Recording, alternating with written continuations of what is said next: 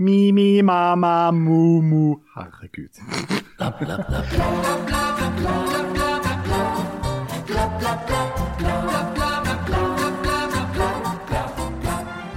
Hvis vi skal nå målet om nullutslipp i 2050, må alle nye investeringer i olje- og gassektoren stoppes nå. Så da bare slukker vi lyset her og trekker ut kontakten, og det var det. Ellers har vi en brannfakkel om 17. mai, pinsemenyen, Grand Prix og endelig noen lysglimt fra nazimiljøet.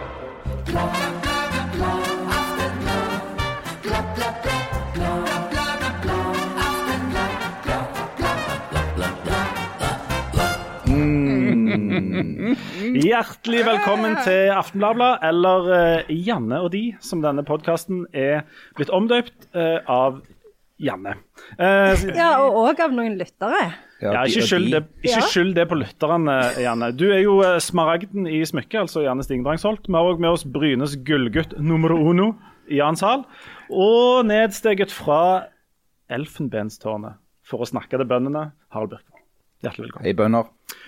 Elfenbenstårnet har jo knapt utdanning. Han har jo, jo bare vært innom vår dørvakt på universitetet, eller på en nattklubb mens han gikk på universitetet. Du kan ikke omtale har- han i noe sånn Jeg har, elfenbeinstermer. jeg har jo utdanning. Jeg har, og nå jeg i fleng, eh, lappen på stor bil. Både buss og vogntog. Eh, jeg har eh, skyttermerke. Eh, svømmeknappen i sølv, tror jeg. Eh, og eh, noen vekttall, da. Sånn eh, histen og pisten. QED, for å si det på den måten som folk med bare et minimum av kjennskap til latin ville sagt. Livets skole, har du hørt om den? Jeg har hørt om Livets folkehøgskole, og det er vel der du shiner rundt. Professor. Du er, du er jo der, mange, du er jo motsatt ende. Du er jo, er jo for mye utdanning, hvis vi skal være helt ærlige. Hvor mange sånne, sånne vekt Har du mer vekttall enn millioner i banken? Eh, Det, det, går ikke an. Det, er ikke, det går ikke an. Ja, Den var jeg ganske godt fornøyd med sjøl, om jeg må få si det sjøl. Det er ikke mulig. Men hvor mange vekttall har du nei, uff, jeg vet ikke vekttall. Jeg vet ikke, husker, husker dere vekttall? Altså, Hvor mange Det er vekttall er en doktorgrad, egentlig? Og jeg tror ikke er Du får ikke vekttall for doktorgrad. Enormt med vekttall. Ja, det er nok mange. Ja. Du får jo bare et sånt et diplom. Og så hvis du skriver noe som er huge, f.eks. Ted Huge, så blir det jo en huge eh, doktorgrad. Ordspill. Det er noe vi velutdanna holder på med. Som den lavest utdanna i rommet med tror jeg, god margin, eh, så kan jeg bare røpe at jeg har ett diplom hjemme. Og der står det at jeg har en lavere grad av høyere utdanning. som en slags fornærmelse. Når du ble utdannet som journalist i gamle dager, så fikk du altså en lavere grad av høyere Men er du kan-mag? Eh, Jeg vet ikke, Eller lenge siden jeg har vært hos legen, så jeg Ja. er litt, litt usikker. Men lavere grad av høyere utdannelse, det høres ut som en diagnose. Det høres ut som en sykdom, men en litt mild sykdom. Ja. En sånn som du bare kan få en enkel salve på.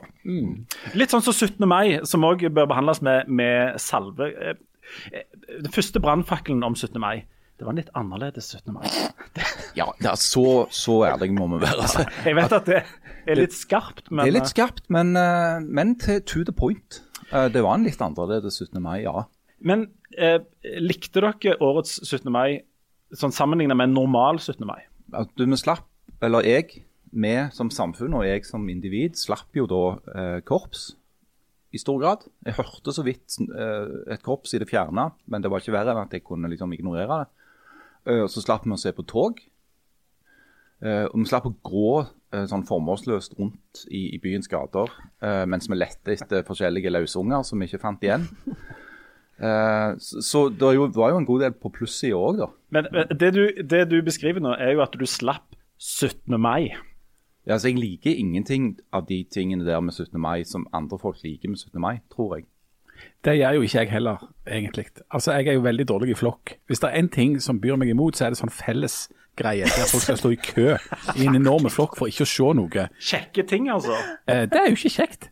Det er sånn, sånn, sånn knudrete kø og store folkemengder. Og så hva er det du ser på? Jo, du ser på at sånn Tasta, Rust og skole går forbi. Altså folk du aldri har sett før.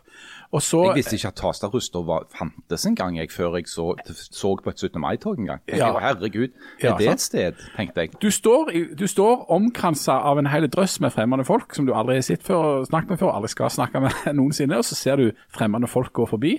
Og så etterpå så går du opp i skolegården og, og, og, og står i enda mer kø eh, for å få noen veldig dårlige pølser. Eh, og noen sånne eh, ja, kakegreier. Og så er det noen pissetrengte samtaler med foreldrene til noen i en eller annen parallellklasse, eller noen, og så prøver du å huske hvem de er foreldrene til, eller, og så snakker du om ja, været. Altså, Det er et par ting jeg, jeg liksom takker eh, den skaperen jeg ikke tror på, veldig ofte for. Og En av de tingene er at jeg ikke lenger har så små unger at jeg må være i den skolegården på 17. mai. For det er skolegården på 17. mai det er for meg det motsatte av trivsel. Det, det er den diametrale motsetningen til å ha det kjekt. Janne. Jeg tenkte på 17. mai. Hvor, når jeg mista to år i skolegården, hvor lenge er det akseptert etter at barnet mitt har gått ut av barneskolen, at jeg dukker opp likevel og er med litt på dugnad? Er du fullstendig sprø? Jeg elsker 17. mai. Jeg begynte å grine, selvfølgelig. Eh, tid var det jeg begynte å grine? Jeg begynte å grine I åttetida? Nei, litt seinere, faktisk. Jeg holdt ut litt lenger. Men jeg begynte å grine når eh, vi så litt på TV, fordi eh, hun ene dattera mi hadde noen gjester, så da måtte vi opp loftet og være der.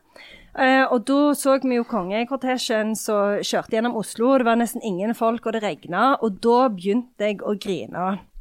Og så uh, For det var så stygt vær. Nei, for jeg syns det var så trist at det var en annerledes 17. mai. Og så eh, åpna mannen min eh, eh, vinduet på loftet, og så hørte jeg korpsmusikk i Økelandsparken. Og da var det bare å Jeg fikk med meg alle, og så sprang vi bort dit for å se litt korps. Og da kjente jeg jeg fikk litt ro i sjelen igjen. Men jeg syns det er så trist, og jeg savner det så enormt mye. Og jeg elsker jo den der eh, praten med de foreldrene som jeg ikke vet hvem er, er om været. Og jeg bare Neste 17. mai for jeg, vi Du, sto du tuller nå, sant? Jeg elsker 17. mai. Jeg, jeg, Altså, for real? jeg er så glad i 17. mai, og jeg skjønte det ikke før i fjor hvor enormt mye jeg elsker 17. mai. For jeg trodde egentlig ikke jeg likte det, men nå skjønner jeg at jeg elsker det, og jeg kommer tilbake til å omfavne den innsikten resten av livet. Altså, det, Illinois, er det mer sånn halleluja-kristne kroken av samfunnet? Hvordan er forholdet til 17. mai der?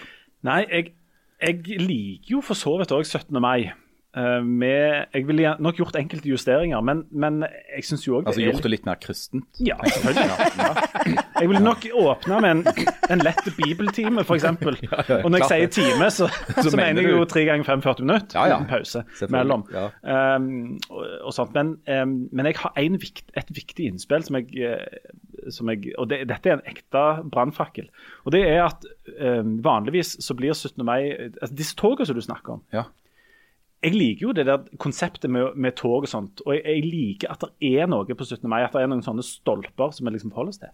Men i år tenkte jeg at det der med at det er to tog, det er et tog for mye. Nei, Jo. nei, nei, nei. jo, nei, jo, jo, jo. nei. To det- tog Bergen- er et tog for mye. I Bergen har de skjønt det. Der Ja, har de bare ett. Det heter noe sånn så, Prosesjonen. Prosesjonen. Ja. Sant? På pompøst bergensk vis. Eh, men de blir i hvert fall ferdige med driten. Å, sant? Altså, de, de går i det toget, og så er det slutt. Så Det er jo verdens dårligste tog. Altså, verdens beste tog er jo i Sandnes. Er Folketoget.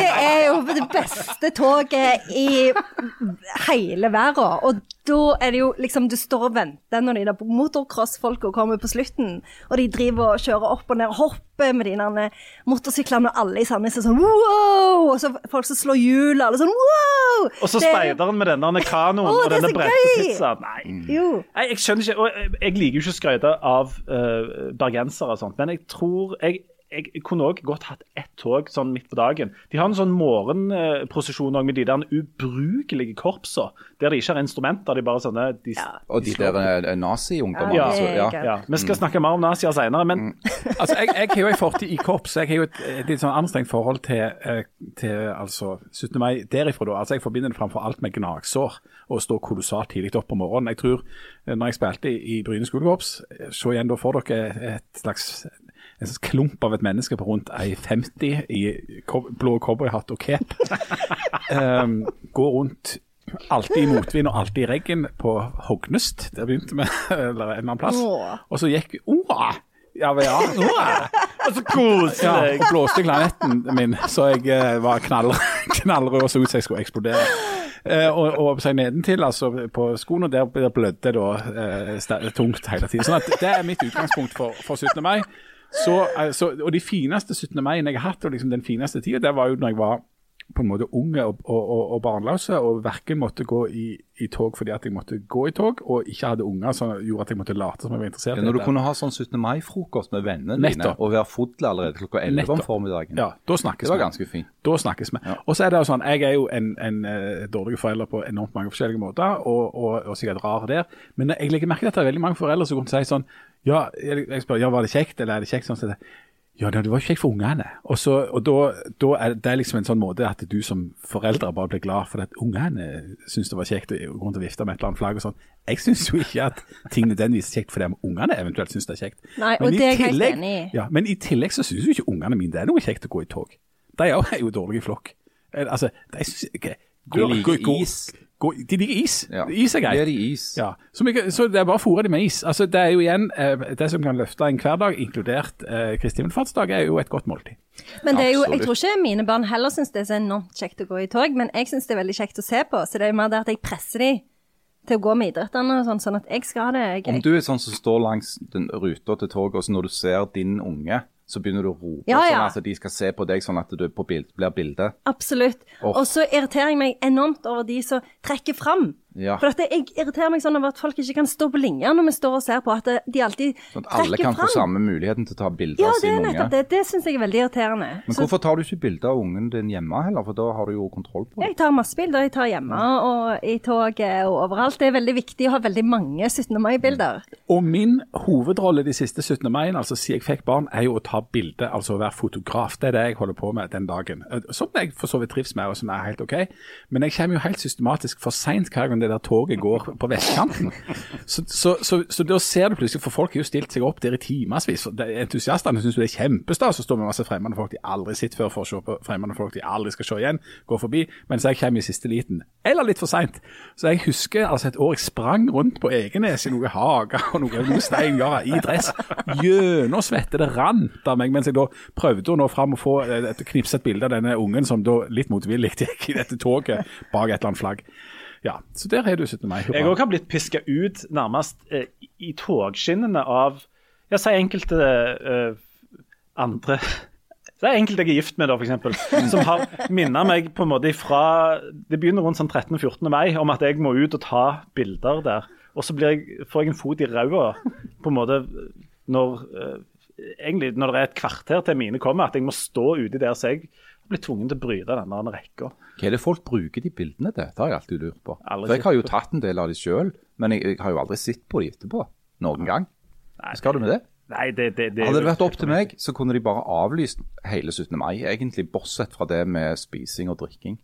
Ja, du spiser litt òg? Ja, det er, sånn, det er jo ofte godt å ha noe mat til drinken. Der, er, der, er, der finnes eh, øyenvitneskildringer fra eh, din eh, 17. mai, Harald, der du virka uh, som du trengte både kart og kompass utover dagen. Er det noe, noe hold i disse ryktene? Nei, Det, det vil jeg ikke kommentere.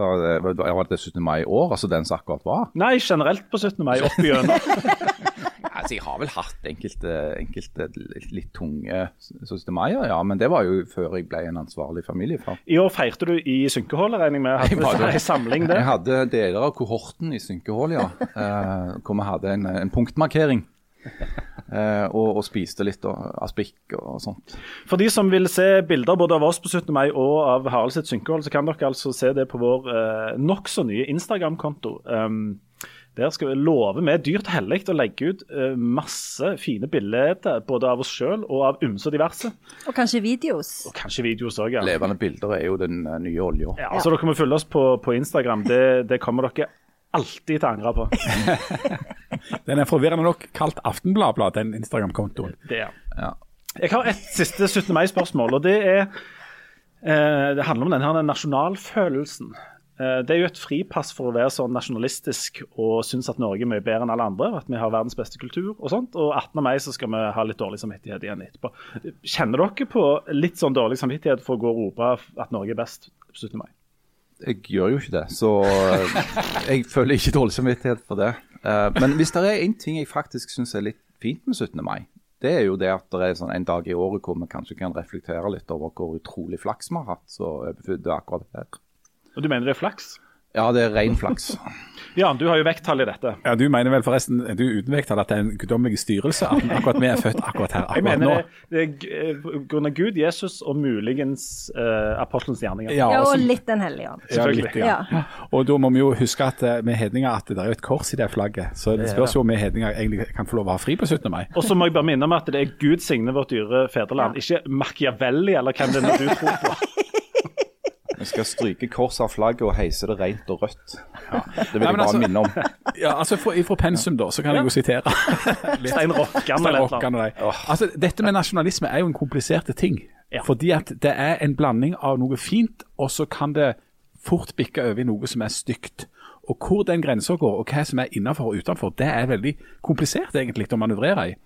Og, og jeg syns det er noe fint Jeg synes det er fint med, med 17. mai. Det er noe positivt jeg kan si om 17. mai. Altså det, er en, eh, det er nettopp en, en, en dag der du kan feire og tenke litt over akkurat hvor heldig vi er, og hvor privilegerte vi er. Og, og at det, det er fred, og det er frihet og det er demokrati, som jo ikke er selvsagt. Alt det du hører i festtalene, det er sant.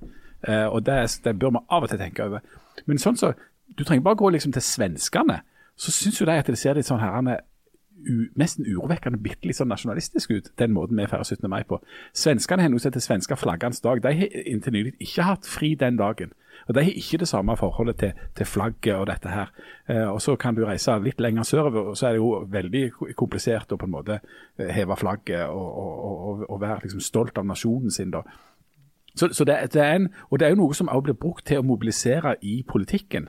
Eh, appellere til nasjonalfølelsen og det norske og, og, og, og, alt dette her. Og når er det en fin ting, og når bikker det over til å bli bitte litt problematisk? Det er Det er jo mange medlemmer av min generasjon, altså venner og kjente og bekjente og fjerne bekjente av meg, som nærmest syns det er flaut med 17. mai. Altså fordi at de er, de er typisk sånn internasjonalister og europeere, eller hva de nå definerer seg som. Og de syns dette med 17. mai blir litt sånn innadvendt og stakkarslikt og, og flaut.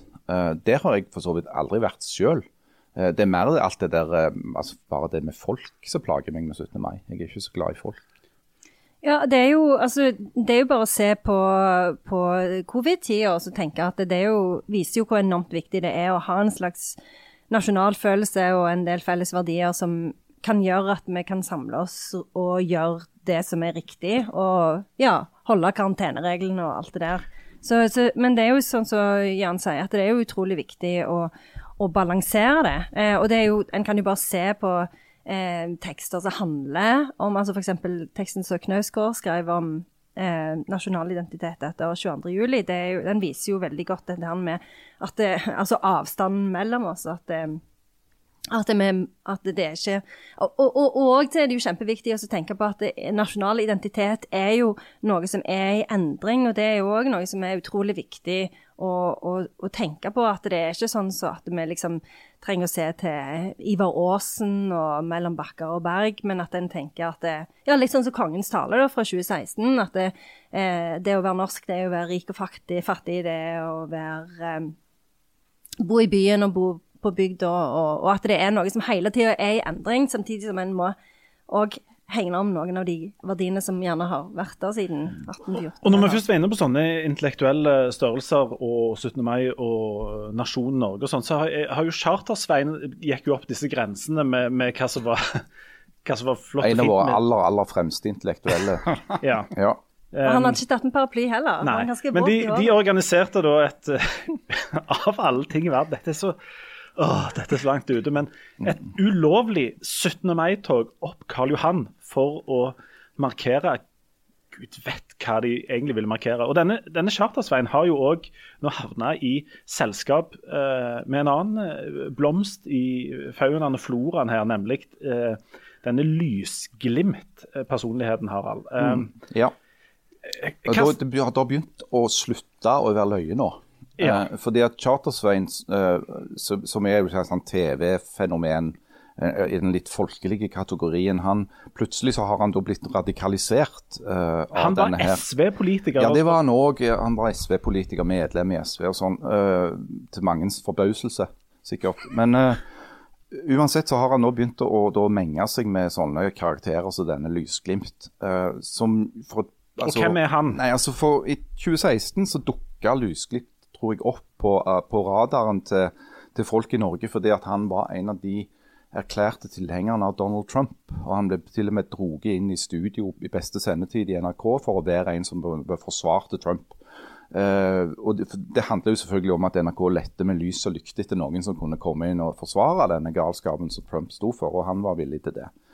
Uh, så den gangen ble han vel kanskje betrakta som en litt sånn uh, artig eksentriker på, i utkanten av politikken. Han men, har et politisk parti som heter Alliansen. Ja, men det som er problemet med Lysglimt, skal dere skjønne, er at Lysglimt er nazist. Altså, Han er ikke litt høyreradikal eller litt sånn innvandringsskeptiker. Sånn. Han er nazist. Han uh, mener at jødene står bak en global konspirasjon for å ta knekken på oss. Han er åpenlys rasist.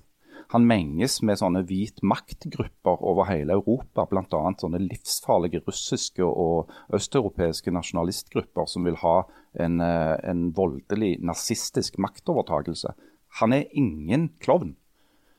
Han er en eh, politisk ynkelige person som aldri burde vie noe særlig oppmerksomhet. Og Vi hadde han gående her for ikke så veldig lenge siden, eh, der de bl.a. hadde et hus ute på Jæren og sto på Kvadrat og samla underskrifter til dette partiet. Men han betaler jo folk for å samle inn underskrifter for dette partiet. Og Det var under slags dekke å være mot bompenger eh, ja. i vårt distrikt. Og det er, en, det, er en det er, en, slags ekkel tradisjon for det nå, som har utvikla seg på høyresida. Det er at uh, den ytre høyresida, eller i dette tilfellet da nynazister, eh, allierer seg med forskjellige andre protestgrupper for å eh, øke sin egen oppslutning. Det har du sett f.eks. i vaksinemotstand, eh, i klimaskepsis, bompengesaken og andre sånne markørsaker som, som hisser opp folk. For det, det som du ser ofte, det er at folk som er liksom den der i den der fløyen av samfunnet, de, en, de adopterer en del de, altså det, er en slags sånn gruppe av meninger som de, som de har. Uh, sånn at Hvis de er veldig langt ute der, så er de typisk både skeptiske til vaksine og innvandring og feminisme, eller hva det nå måtte være akkurat nå de hisser seg oppover.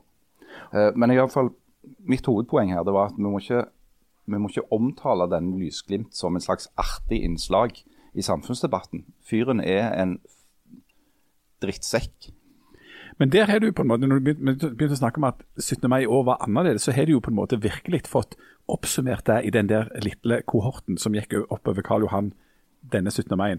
Det, det ville virkelig aldri ha skjedd noen annen gang enn akkurat nå. Altså at du har fått den der uheldige blandingen av løgnasser. Altså vaksinemotstand, tidligere SV-politiker, langt, langt ut på ytre høyre altså Klin kokosfolket, det er de som liksom går i tog. Mens den vanlige 17. mai ville være altså barnetoget med Bolteløkka skole og begeistra folk eh, som, som, likte å være i flokk. Altså Der har du kvintessensen av den annerledes 17. mai. Men du, nazister i Du Harald mener han er en nazist. Og du er ikke alene om å mene det? Nei, det, Jeg vet ikke hvem andre altså, det er helt, Hvis du gidder å se på hva han sier, så er han nazist, ja. Det er en stund siden vi hadde på en måte den type nazister i Norge? ikke Ja, ja, og det er jo det ytterste du kommer på forkvakla nasjonalisme. Da kommer du jo dit. sant? Um, men nasjonen setter jo også opp noen grenser sant? mellom oss og deg. Hvem er det som er inkludert? Hvem er det som er i oss? Hvem er det som er i deg? En, en nasjonalstat vil sette noen grenser rundt et land. altså En, en nasjonal identitet og nasjonalfølelse, alt dette er jo konstruksjoner, og det er utvikling. Altså Det er ikke sånn at det eksisterer en nasjon eller en nasjonal identitet sånn på forhånd. Dette er det som kalles, eh, med, som, som kalles for nasjonsbygging. altså Du bygger en identitet, et fellesskap, og så er det en, en kontinuerlig diskusjon av hvem som er inkludert, og hvordan den utvikler seg, og hva det består står i, og, og alt dette her.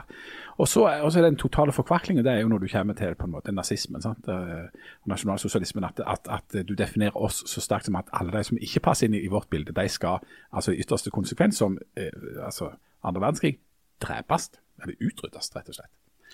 Og Så får vi da en, en, en TV-personlighet som eh, denne Chartersveien. Han ja. først med, ble først kjent under dette Charterfeber-programmet. og Så har han vel vært med i skal vi se, jeg telte opp i går, absolutt alle fjernsynsprogram som fins.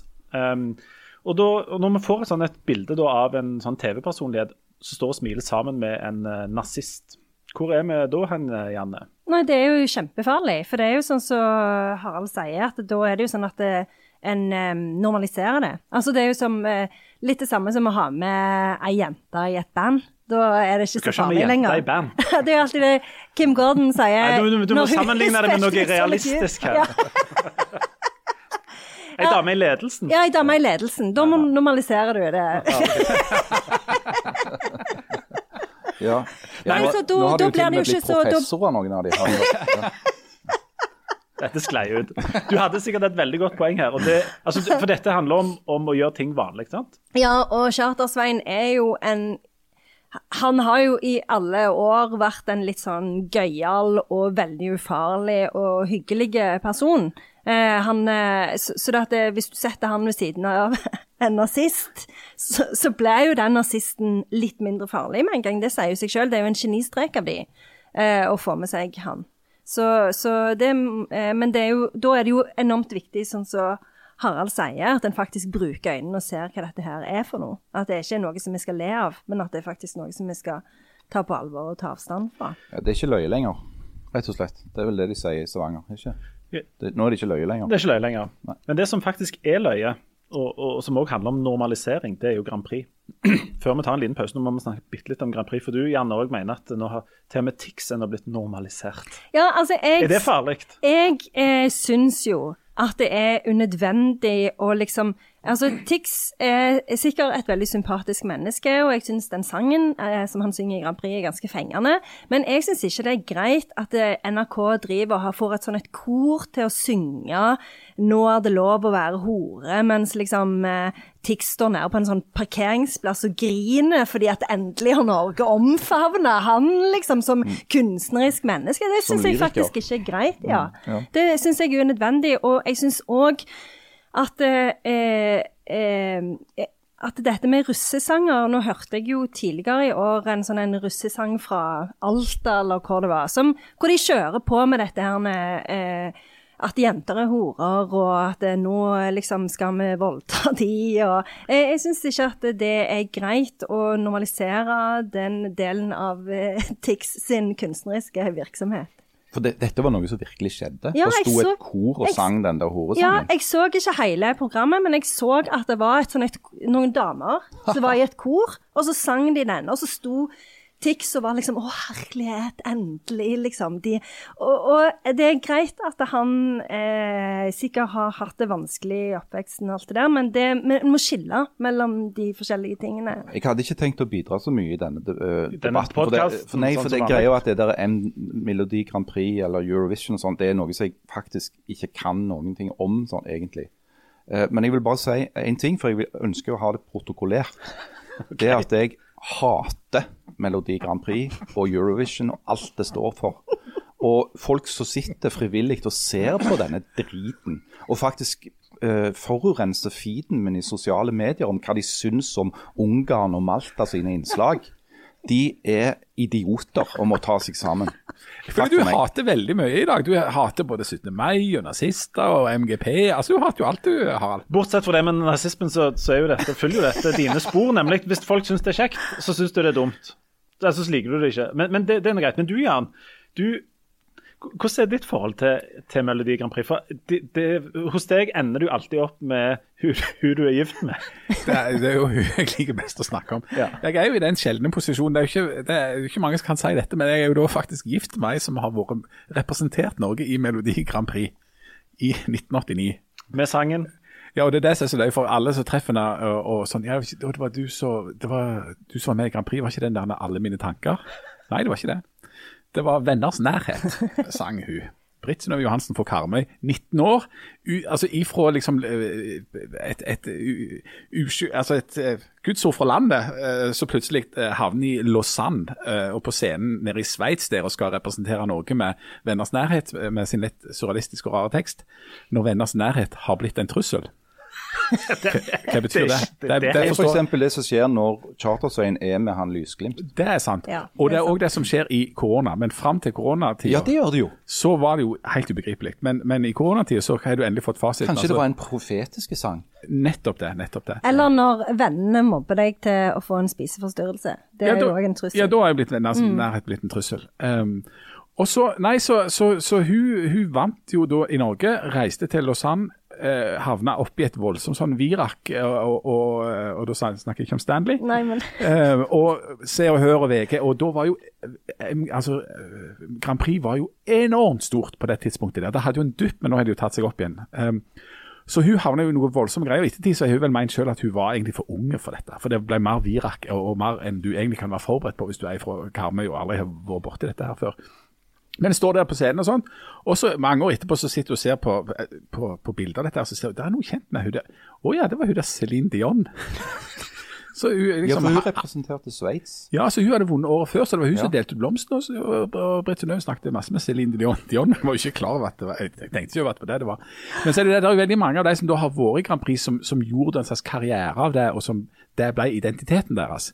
Eh, og der, der er det et sånn skille i Grand Prix-verden, vil jeg si, mellom de som går all in, og som for alltid blir forbundet med det, og de som ikke eh, går inn der. Og det, eh, hun mi har jo da ikke spilt veldig mye på at hun var med i Grand Prix, så hun har gjort andre ting etterpå. Bortsett fra Venners nærhet-turneen. Nå nå, nå, nå, er de hatt venners nærhet nå i, i, i vår, og skal så ha det i høst òg. Men nå har det jo blitt en trussel da, i, i koronaen. Sånn at, sånn at, eh, men, men jeg så da på, på semifinalen i Grand Prix nå, fordi eh, Tix da skulle være med, og fordi vi skulle snakke om det. Og det er jo, det er jo djupt, djupt fremmedgjørende. Og merkelig. Eh, og så er det jo blitt, det er jo også blitt en sånn eh, Det er familiehygge, men så er det jo blitt en sånn svær sånn homsefestival. det er jo en sånn gay eh, greie. sant? Altså en, en, en, en helt annen type estetikk enn det folk på Snåsa og, og i familiene på Dombås vanligvis forholder seg til. da. Som for så vidt er interessant. Og, og, nå var det jo, var det jo et sånn, gjort et stort poeng ut av at den ene programlederen nå var en, en transperson. og liksom det, det er blitt enormt sånn herrene eh, kjønnsidentitetsorientert og, og, og masse sånne identitetsmarkører som handler om helt andre ting enn nødvendigvis musikken. Men det er, det er langt ut ifra min eh, estetikk. Og Det, det, forteller gans, det forteller ganske mye om Grand Prix at det nå må til fire programledere for at det ikke skal bli sjau. Eh, og det er, det er snålt. Det kan godt være at det er en, en bra ting, altså, men må, vi må opp i såpass antall. Eh, og det russiske bidraget er det, Du blør jo i både øynene og ørene, men det er noe fint med det òg. Med noe sånn russisk kvinnefrigjøringsopplegg og sånn. Ja, det var synd at det var så dårlig sang, fordi budskapet var veldig bra. Ja. Så syns jeg det var kult at du sang litt på russisk. Ja, ikke sant? Ja, nei, Det er noe stilig med det. Kommer dere til å benke dere foran apparatet for å se f- eh, finalen? absolutt ikke. ja. Jeg, jeg, jeg ville heller tatt blindtarmen uten bedøvelse. Det tror jeg faktisk er et godt for... sykt vondt ut. Det kan, både, det kan vi alle leve med, men da må du filme det og legge det ut på vår nye Instagram-konto. Med sånn Rambo-kniv. Ja, eller ja, med en sløv teskje. Kunne bare tatt et balltre og bare slått den ut, kanskje. Og du hadde fremdeles foretrukket det. Ja, Du. Vi må ta en liten pause, men kan jeg komme med en bitte liten anekdote, så Jan pisker meg inn på Beklager det. Uh, før vi tar den pausen. Ja, Du nevnte alle mine tanker. det går Silje- til deg. Silje Silje Vige. Fra, fra Jørpeland.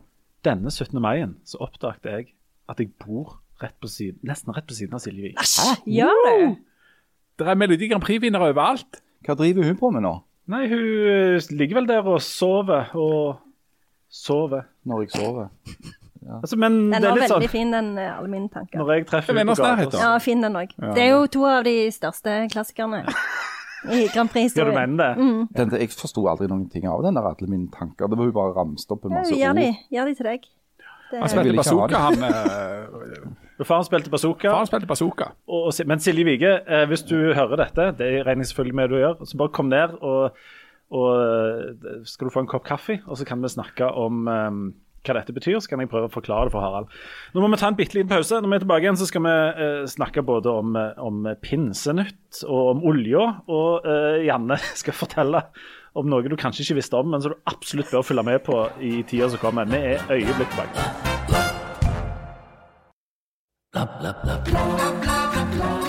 Hjertelig velkommen tilbake til Janne og de.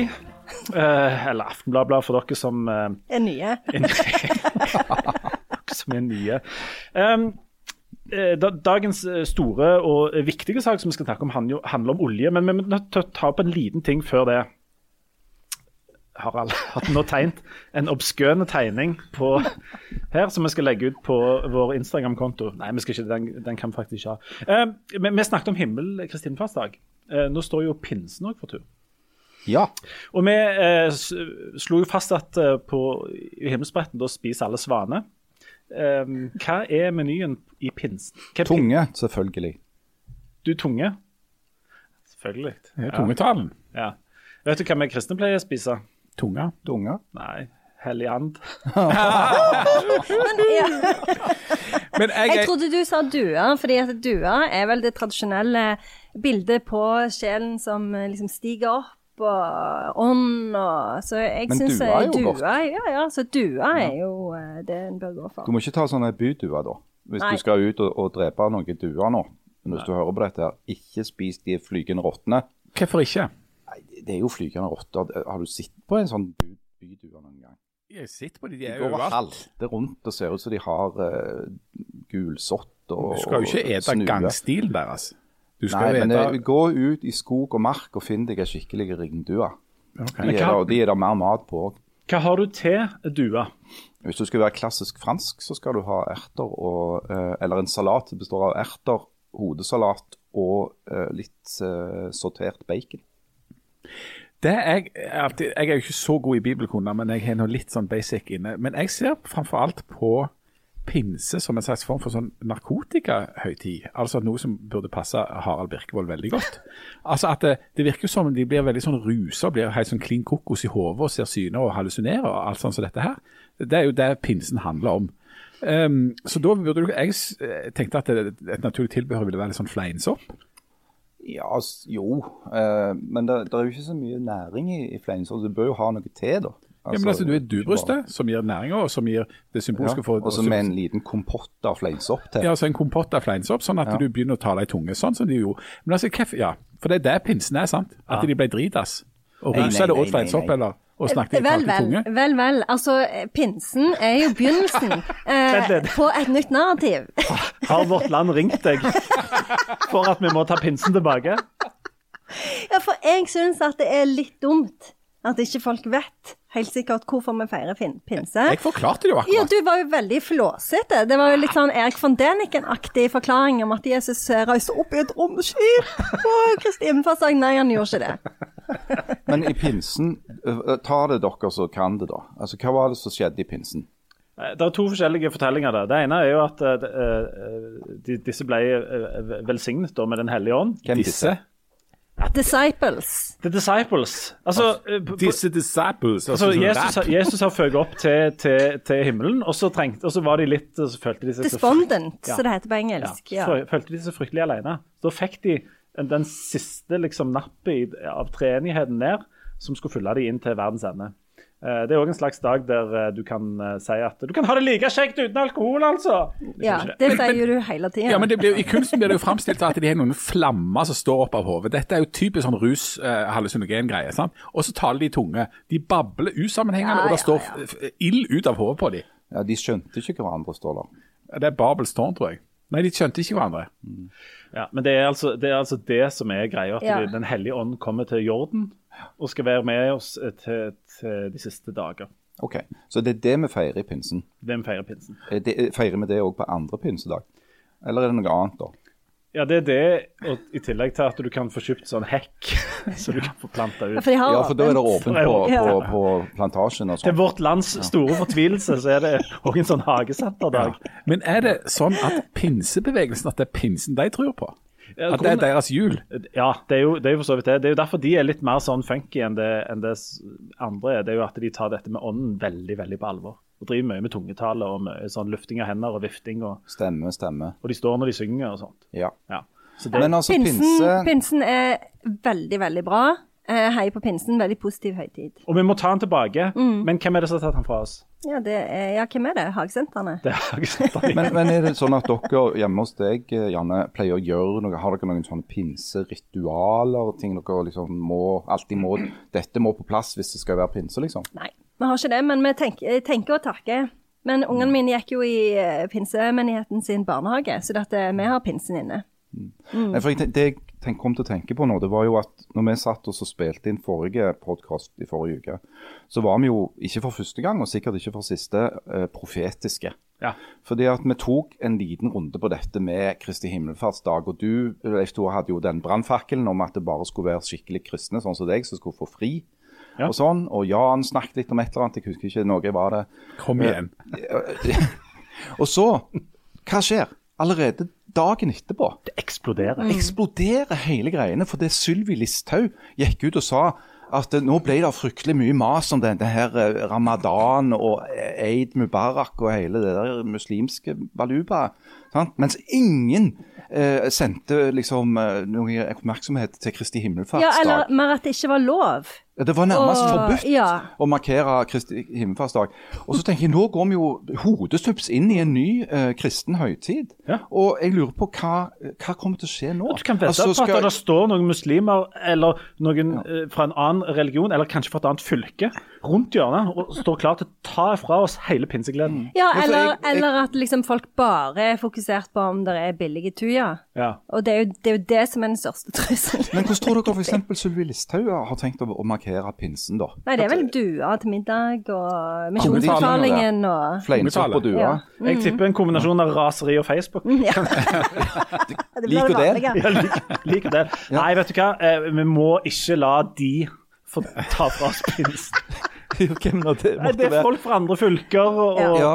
SV SV-ere og sånn. Eh, og hagesenteret. Ja. De er ute etter pinsen. Ja. Ja. Her må vårt land på banen. Ja. Eh, Dere kan ringe Janne. Hører du oss, Bjørn Bore? Dere må på banen og ta pinsen tilbake. Janne kan bidra med, og hun kan òg fortelle om hva som står om dette i forskjellige bøker som ingen har hørt om. Det, men det er bare å ta på deg pinsen. Nei, den, den, er, den får ikke et, et sånt pling engang. Ordspill. Før, eh, før Janne skal få lov å, å fortelle om sin, eh, sitt, drømmescenario på sosiale medier og internett og TV, og sånt, så skal vi eh, en liten tur innom oljebransjen. For eh, Det internasjonale energibyrået publiserte mandag en fersk plan for det som kalles netto nullutslipp i 2050. Det er litt komplisert, men dette er ganske viktig, og det er ganske viktig for Norge. Um, i, I sånn grove trekk uh, Harald, så er det vel sånn at dette byrået, som har ganske god greie på energi i verden, sier at uh, vi må bare slutte med olje og gass og, kull og sånne ting.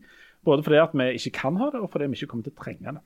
Ja, øh, jo. Altså det, det de gjør, øh, dette byrået IEA, det er at de skriver i denne rapporten at hvis det skal være realistisk å, må, å nå det der klimamålet om, om at du skal ha et slags netto nullutslipp i verden i 2050, øh, så går det ikke an å tildele nye eh, lisenser. Det er ikke åpna nye oljefelt og nye kullgruver nå, for da vil ikke det gå an.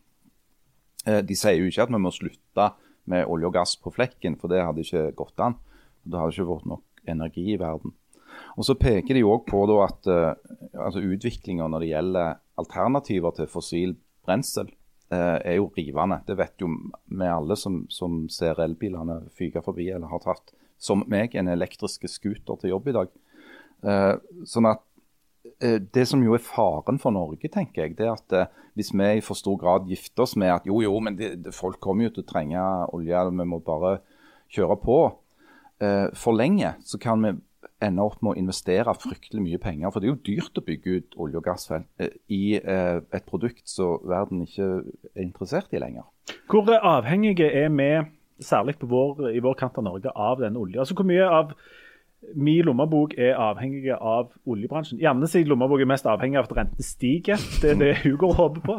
Mens, mens vi er fattige folk, vi er jo avhengig avhengige av oljen på et eller annet vis. Hvor, kan du si litt om hvor viktig dette er for oss? Altså Uten inntektene fra olje og gass, og da tenker jeg både de direkte inntektene som staten har fordi de er største eier i alle oljefeltene på sokkelen og Equinor og sånn, og skatteinntektene fra oljebransjen, og skatteinntektene fra alle de som jobber i oljebransjen, så ville jo ikke den norske velferdsstaten vært mulig å finansiere uten oljeinntektene. Vi hadde heller ikke hatt et uh, oljefond. Og Derfor er dette her ekstremt viktig. å Ja, ja, også, og så. Vi så jo dette her med all gru og velde for ikke så mange år, seks år siden, når, når oljeprisen gikk i bånn. Uh, så mista jo 30 000-40 000 mennesker i Rogaland jobben. Eh, på, på veldig kort tid. Det var ekstremt dramatisk. Og, og var jo òg en, en demonstrasjon på hvor ensidige den norske økonomien tross alt er. Eh, og hvor avhengige vi er av dette. Og Derfor så er det jo av veldig stor politisk betydning å finne fram til en vei ut av oljealderen. For den kommer jo til å ta slutt. Altså på et eller annet tidspunkt er det jo ikke mer olje igjen. Så det tar jo slutt av seg sjøl. Eh, å finne en vei ut av dette her som gjør at vi ikke krasjlander som, eh, som velferdsstater.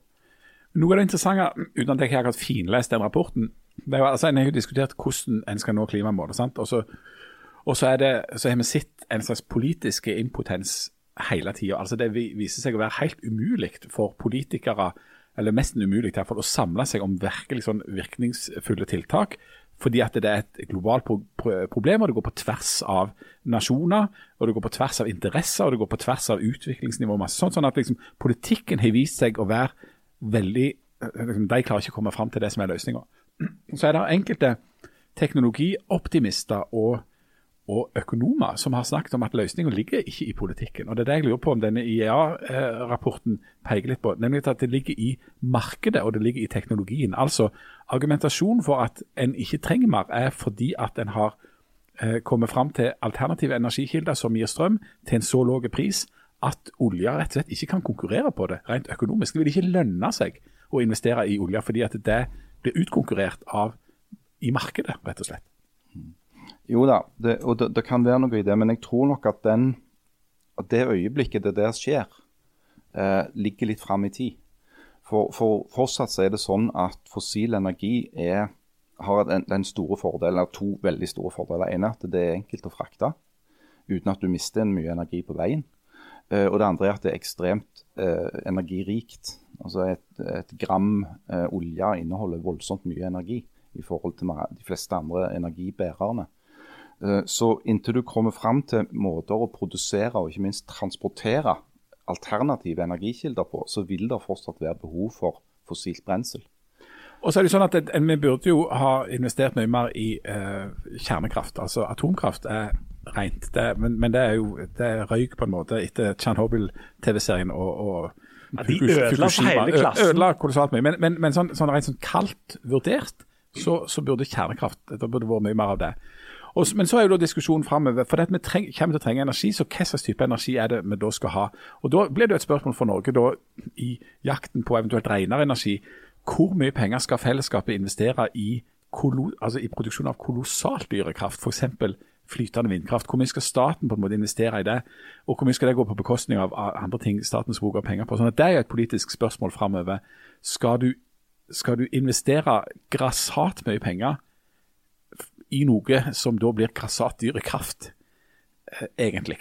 Eh, eller skal du bruke av de ressursene som ligger da allikevel fossilt eh, der? Er, der er, det er jo en diskusjon i Norge om dette med å sette en såkalt sluttdato for altså tildeling av, av altså leide etter nye felter. Mm. Um, som foreløpig ikke virker til å være en vinners, som politisk vinnersak å si at uh, nei, nå stenger vi det av. Er det et sånt kappløp om å um, nesten smiske og legge seg litt flate for denne industrigreina i, i, Norge? Ja, altså, det er, jo, der er jo som I vår polariserte tid så er det jo sånn at du, du ser at uh, politiske partier går har en tendens til å gå til liksom, ytterlighetene. Enten at du er på MDG og til dels Venstre til dels SV og Rødt sin linje om at du nå må, må sette en dato, om det er ikke i dag, så iallfall i, i ikke så altfor fjern framtid, der vi må liksom frikoble oss fra eh, fossilindustrien. Eh, og så har du På den andre sida partier som f.eks. Fremskrittspartiet og til dels også Senterpartiet, som da eh, som nærmest som en reaksjon på det erklærer seg som da oljeindustriens beste venn og, og heiagjeng, som var vel et uttrykk som ble brukt av en tidligere oljeminister fra, fra Fremskrittspartiet, Terje Søviknes. Han skulle være oljeminister og være heiagjeng for, for bransjen. Eh, noe som jeg og mange andre kommentatorer reagerte litt på, for oljeministeren skal jo òg passe på dem, eh, at de holder reglene og sånn. Eh, og det, det, Begge deler er på en måte like fjernt, tenker jeg. Um, det, det, som er faren for eksempel, med å være sånn heiagjeng, det er at du kan som Det som skjedde for eksempel, i, i kjølvannet av uh, oljeprisfall, og sånt, det var jo at det ble lagt enkelte sånne tillegg til de allerede ganske sjenerøse støtteordningene til oljeindustrien. Altså, De får dekka uh, 78 av utgiftene sine til å lete etter olje og gass, mot at de betaler 78 skatt uh, hvis de da finner noe og faktisk uh, produserer så ble den statlige støtteordningen utvida, sånn at de faktisk får dekka mer av utgiftene sine. Og Det innebærer jo at Norge tar mer av den finansielle risikoen eh, med denne letevirksomheten, som altså Det er jo ikke alle leteprosjekter som blir til noe. Mange av de blir jo ikke det. Da er det bare utgifter. Og Mer av den regningen tar det norske fellesskapet nå for å hjelpe oljeindustrien til å holde virksomheten oppe. Og Da blir spørsmålet på et eller annet tidspunkt så, så må du ta en ny sånn risikovurdering. For det, Den Risikovurderingen har jo hele tiden vært til Norges fordel, sånn historisk. Vi har betalt mye av utgiften til oljeselskapene for vi vet at vi får det igjen i form av skatteinntekter. Eh, hvis det regnestykket ikke lenger er i AS Norge sin favør, så må noen på et eller annet tidspunkt si stopp. Eh, og Da blir jeg litt nervøs når partier erklærer seg som sånn Nei, vi er for oljeindustrien uansett. Altså, Oljeindustrien er jo faktisk bare et pluss for Norge så lenge vi tjener penger på den. Hvis du eh, gjerne fikk eh, dekka 78% av utgiftene til å lete etter ting, hva vil du lete etter? Mm, da hadde jeg leita Etter rim og rytme i utenlandske dikt? Meningen med livet? kanskje? Meningen med livet, nei. Mm, jeg hadde kanskje leita etter fine hotell i utlandet. Det jeg leter aller mest etter, er brillene. Så Hvis jeg hadde fått dekka utgiftene, altså den, all den tida jeg kaster vekk på å lete etter brillene, så hadde jeg, det vært bra. Jeg, jeg tror jeg ville lete etter sånne Brukt all tida mi på å lete etter eh, sønner og døtre til kjente folk som prøver å slå gjennom med noe på tross av sine veldig kjente foreldre. For er, der er det utrolig mye søtt å finne. Eh, folk som prøver febrilsk å leve opp til sine kjente foreldre. Sånn som Jan hadde på, på Bryne. Prøve å leve opp til tysk lektorsal. Det er knallhardt. Det gikk jo ikke så bra. Nei, det gjorde ikke det. Nei, det gjorde ikke det. Du fikk heldigvis fortalt det til Martha Lalois. Ja, ja, ja, ja. Men eh, Janne, der er Før vi gjør det, så skal vi innom en som strever litt med dette. Det må være lov å si. Ja, Sønnen til Tom Hanks. ja Chet. Chet Hanks. Chet Hanks. Og en kan jo tenke at gjerne Tom Hanks burde tenkt seg om før han kalte sønnen sin for Chat. Ja, kanskje. Ja, men i hvert fall så for det, Hvorfor det? Nei, for at det er Chat og, og, og liksom eh, Todd og alle disse her navnene, de er jo veldig sånn Da blir det jo fort litt sånn eh, alfahann, eh, muskelbuntaktig. Det er jo liksom belasta navn på mange måter. Men det er jo ingen som heter Chet. Det er jo egentlig en kortform for Chester. Ja, det er jo det. Men i USA så er de jo glad i litt sånn kallenavn også. Ja, anyway. Så eh, finnes det jo For det har jo lenge, eller i hvert fall noen år, så har det jo eksistert sånn season memes. Eh, for eksempel i 2019 så var det jo den amerikanske rapperen Megan Thee Stallion eh, introduserte eh, Hot, Hot Girl Summer. Som skulle liksom eh, vise til en sånn en sommer hvor alle skulle ta det med ro. For nå hadde det vært så mye stress. Så nå måtte alle liksom ta det med ro om sommeren. Og så var det òg ei sånn greie med Christian Girl Autumn.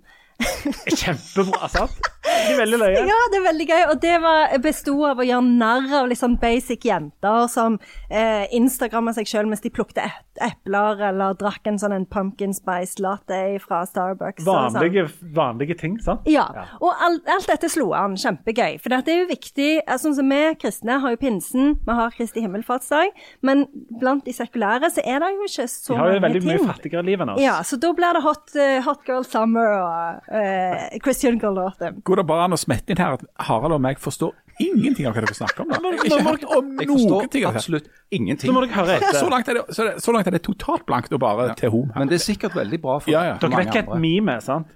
Ja, det vet jeg. Et bilde? Jeg, jeg forstår ikke helt hva det er engang. Ja, det er, jo, eh, det er jo et slags sånn meme Altså, det er et slags sånn meme. Det er jo et slags sånn bilde med en tekst, eller kanskje bare et bilde som symboliserer eh, et eller annet, altså et eller annet tema, og så bruker mange det, og så føler de en sånn følelse av tilhørighet og ler godt av det, og er litt sånn kreative på eh, sosiale medier, da. Grumpy Cat. Grumpy Cat, for eksempel. Men i hvert fall, så eh, kommer Chet Hanks på banen. fordi at nå har det jo vært korona, det har vært litt sånn kjipt.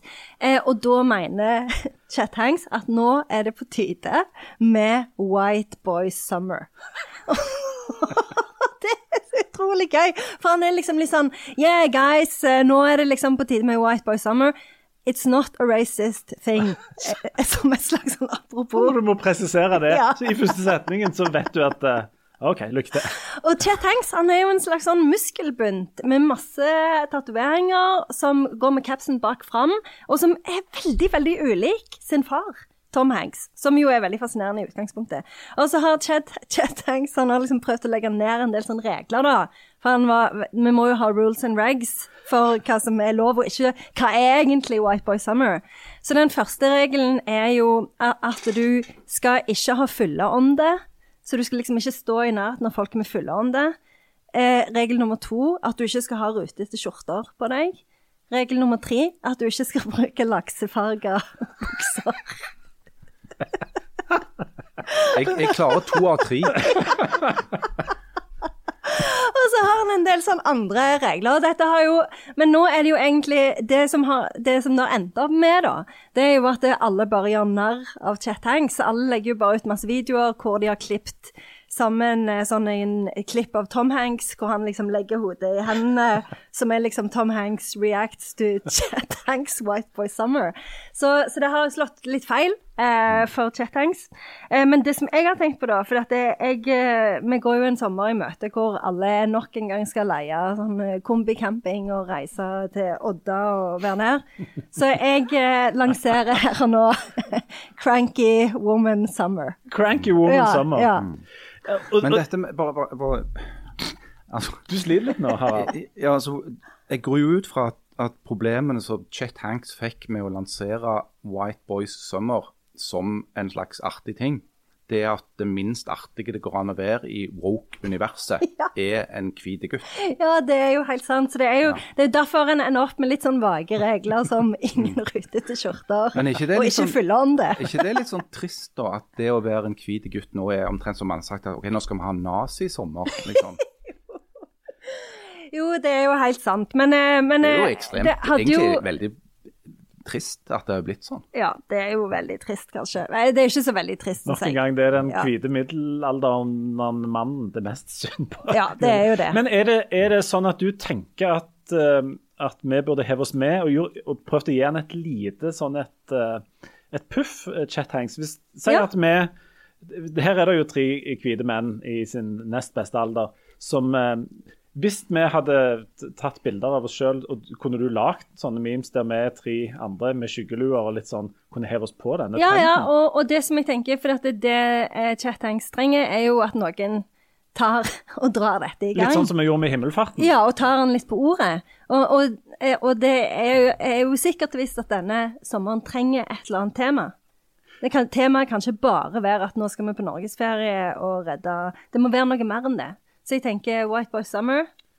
Her er det, Det bør her er det dere ta vi får gå hjem og ta bilder, sende til Janne, så får hun legge det inn på Instagrammen eh, vår med å lage, og så prøve å bidra til å bygge opp igjen sønnen til Tom Hanks. Skal vi gjøre det? Ja. Jeg trodde nemlig at sønnen til Tom Hanks heter Colin Hanks og var skuespiller, og det er han jo. Ja. Han spilte f.eks. i Fargo, finest TV-serie. Så, Den er så jeg, kjempebra, den rollen han har der. kjempefin eh, rolle der. Det trodde jeg var sønnen til Tom Hanks. Men eh, av og til så har jo folk flere barn. Nei. Nei, for det, Colin Hanks skal ikke ha skylda for dette. her. Han er en ganske OK skuespiller, altså. Han er det. Men er ikke det samme person? Nei, Colin og Chet. Chet er jo en rapper. Ja, men han har bytta navn. ganske Har han bytta navn? Jeg mener han har bytta Å navn. ja, så det er samme? Altså, Colin ser jo veldig sånn streit ut og har ikke fulle seg av tatoveringer. og ikke Han er ganske sånn lang og tynn og ligner litt på faren. Det er det han gjør. Ja, Ja, ja. akkurat. Ja, det, er, ja, det er mulig jeg, jeg blander litt, men jeg vet i hvert fall at han Chet har prøvd å slå gjennom under litt ymse navn. Uh, Men dette er en annen, en annen fyr. Ja, Chet Hanks er en veldig sånn løyen uh, figur som jeg syns er ganske gøy å følge uh, for tida. Det er det eneste jeg holder på med. The White Boy Summer. Hva var det du foreslo som vi skulle lage i sommer? Cranky, Cranky Woman Summer. Cranky Woman Summer. Altså der, Gretten kvinnesommer. Ja. der, uten å nevne navn, vet jeg om folk skal bidra.